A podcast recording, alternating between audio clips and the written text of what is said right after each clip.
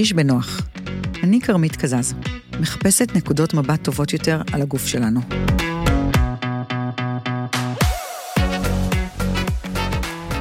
ברוכות הבאות לפודקאסט להרגיש בנוח. נעים להכיר, קוראים לי כרמית קזז. כמו רוב הנשים, רוב חיי, שאפתי להיות רזה יותר. לא משנה כמה שקלתי, תמיד רציתי עוד קצת מסם הרזון הזה. האמנתי תמיד שנשים רזות מאושרות יותר, בריאות יותר, משיגות הרבה יותר דברים. הסתובבתי עם כל מיני אמונות על אנשים שמנים, כמו שהם אנשים עצלנים, שהם גרגרנים, אין להם כוח רצון, אין להם שליטה עצמית בכל דבר שהם עושים.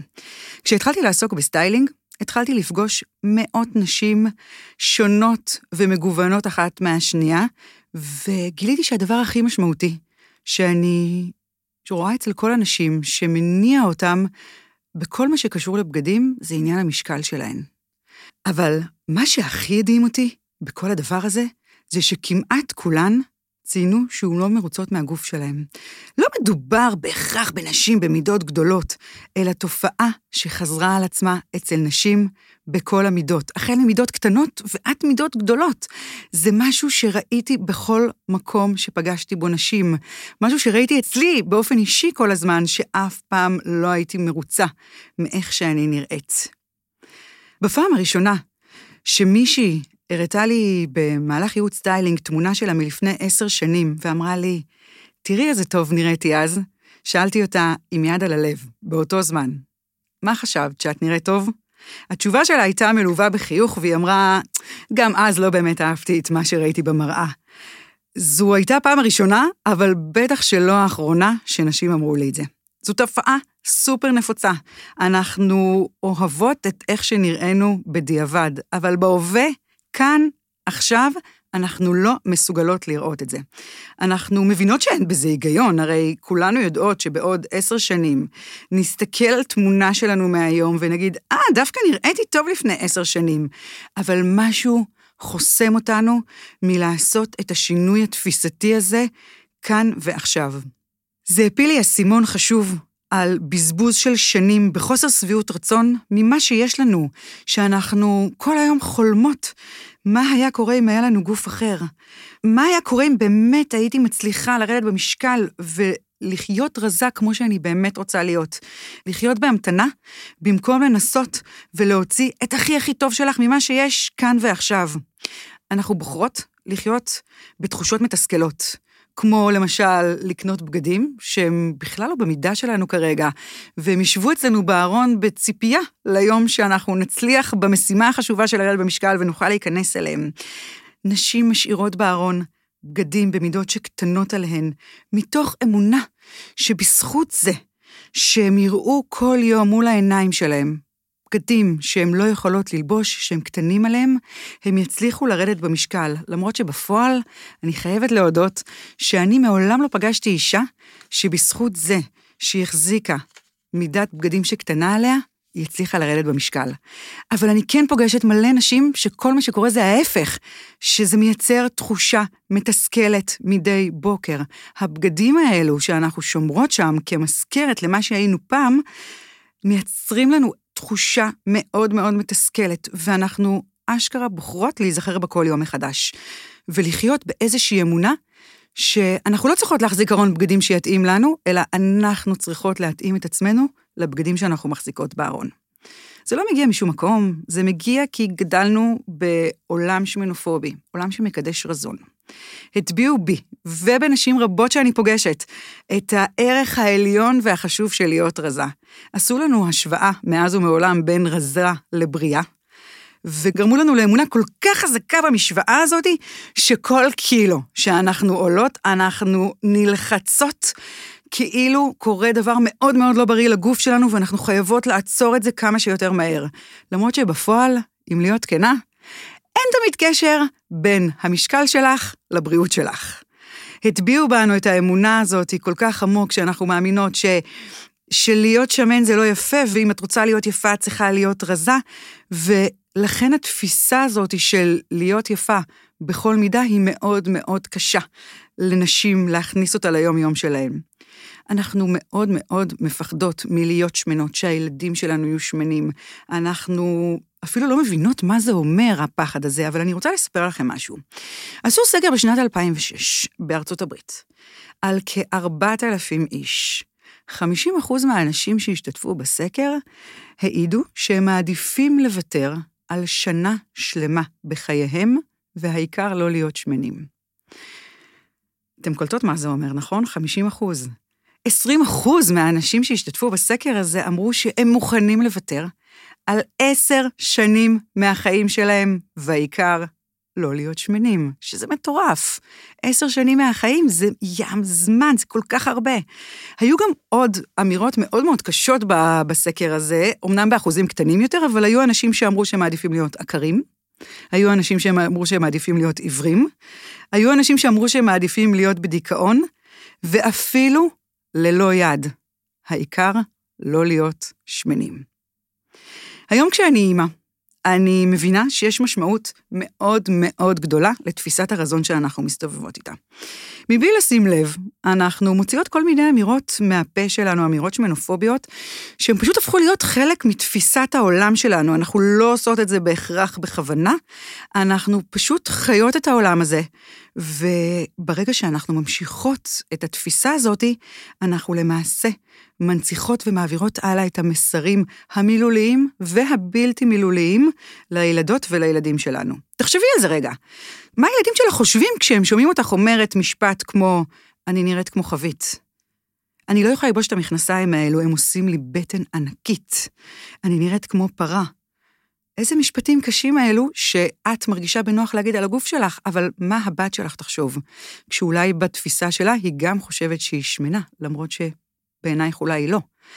וגם כשאת לא אומרת כלום, הם רואים את המבט המבואס שלך כשאת מסתכלת על עצמך במראה, או כשאת בוחרת ללכת איתם לים, אבל את אף פעם לא לובשת בגד ים, כי בתפיסה שלך, אישה במידה שלך לא אמורה ללבוש בגד ים, כי יש מידות מסוימות שלובשים בגד ים ומידות שלא לובשים בגד ים.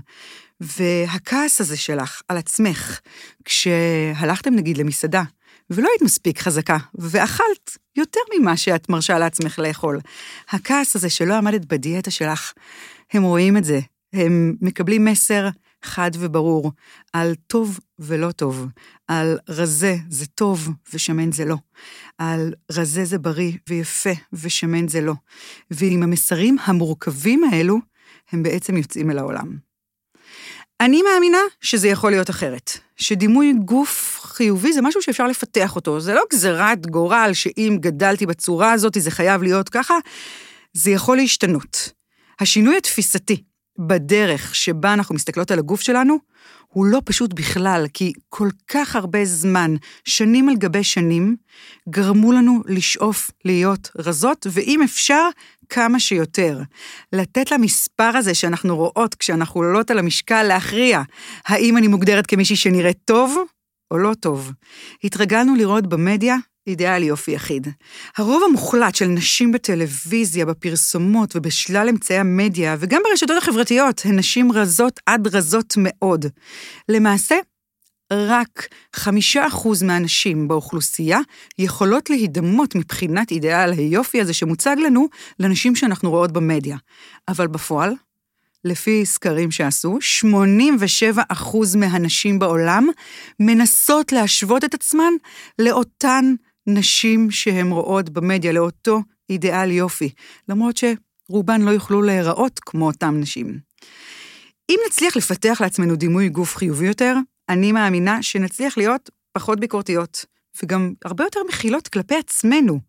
אנחנו נרוויח חיים טובים יותר, שפויים יותר, שלא כוללים את המרדף המתיש והבלתי פוסק הזה, אחרי משהו שאולי אנחנו אפילו לא נוכל להשיג אותו. אנחנו נלמד ליהנות מהכאן והעכשיו.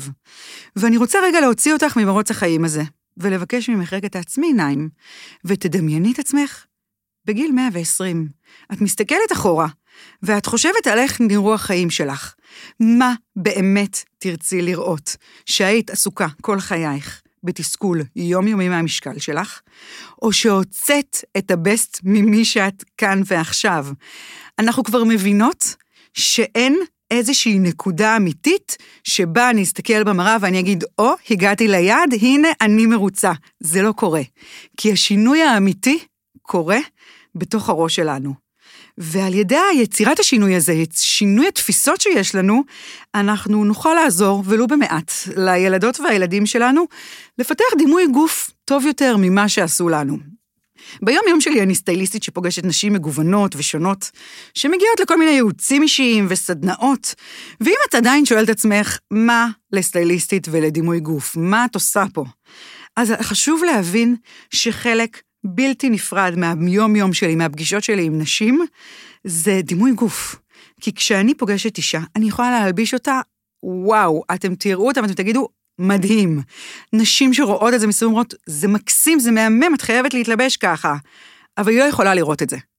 כל מה שהיא תראה באותו רגע, זה, זה משמין אותי? אני לא נראית שמנה יותר? אני לא יכולה ללבוש דבר כזה, אני שמנה מדי כדי ללבוש את זה, וה, והמשפטים האלו מלווים את כל המפגשים שלי עם נשים. הבנתי כדי שאני אוכל לגרום לנשים להעיז להתלבש אחרת, בדרך שתבטא אותם, בדרך שהן חולמות להתלבש, כי יש בגדים שהן באמת באמת חולמות ללבוש, זה חייב לבוא במקביל עם עבודה על הדימוי גוף שלהם. אני רואה איך נשים עסוקות כל הזמן בלשנות את הגוף שלהם. אבל אתם יודעות מתי השינוי האמיתי קורה? לא כשמשנים את הגוף, כשמשנים את המחשבות שיש לנו על הגוף שלנו. אז המטרה של הפודקאסט להרגיש בנוח זה לעזור לנו להבין למה אנחנו לא מרגישות בנוח עם הגוף שלנו. מה משפיע על הדימוי גוף הזה, והאם אפשר בכלל להרגיש אחרת, ואם כן, אז איך עושים את זה? איך לגשת נכון לילדים שלנו, כדי שהם יוכלו להרגיש בנוח עם הגוף שלהם כמו שהוא. יש לי מלא שאלות, כמו האם המשוואה בין רזה לבריא, שמן לא בריא, היא באמת באמת לא נכונה? ואיך אני יודעת מתי בן אדם שמן נחשב באמת ללא בריא. ואיך הלכה למעשה באמת אפשר לקחת את, ה, את התפיסות דימוי גוף החיוביות האלו ולהכניס אותם ליום-יום שלנו ולשנות את מה שקורה אצלנו היום. אני מתה לדעת איך אפשר להתמודד נכון יותר עם הרשתות החברתיות, וזה לא רק הבני נוער שצריכים לדעת להתמודד איתם טוב, זה גם אנחנו שנמצאות שם, וכל תפיסת הדימוי גוף שלנו מושפעת בצורה מאוד מאוד משמעותית ממה שקורה שם.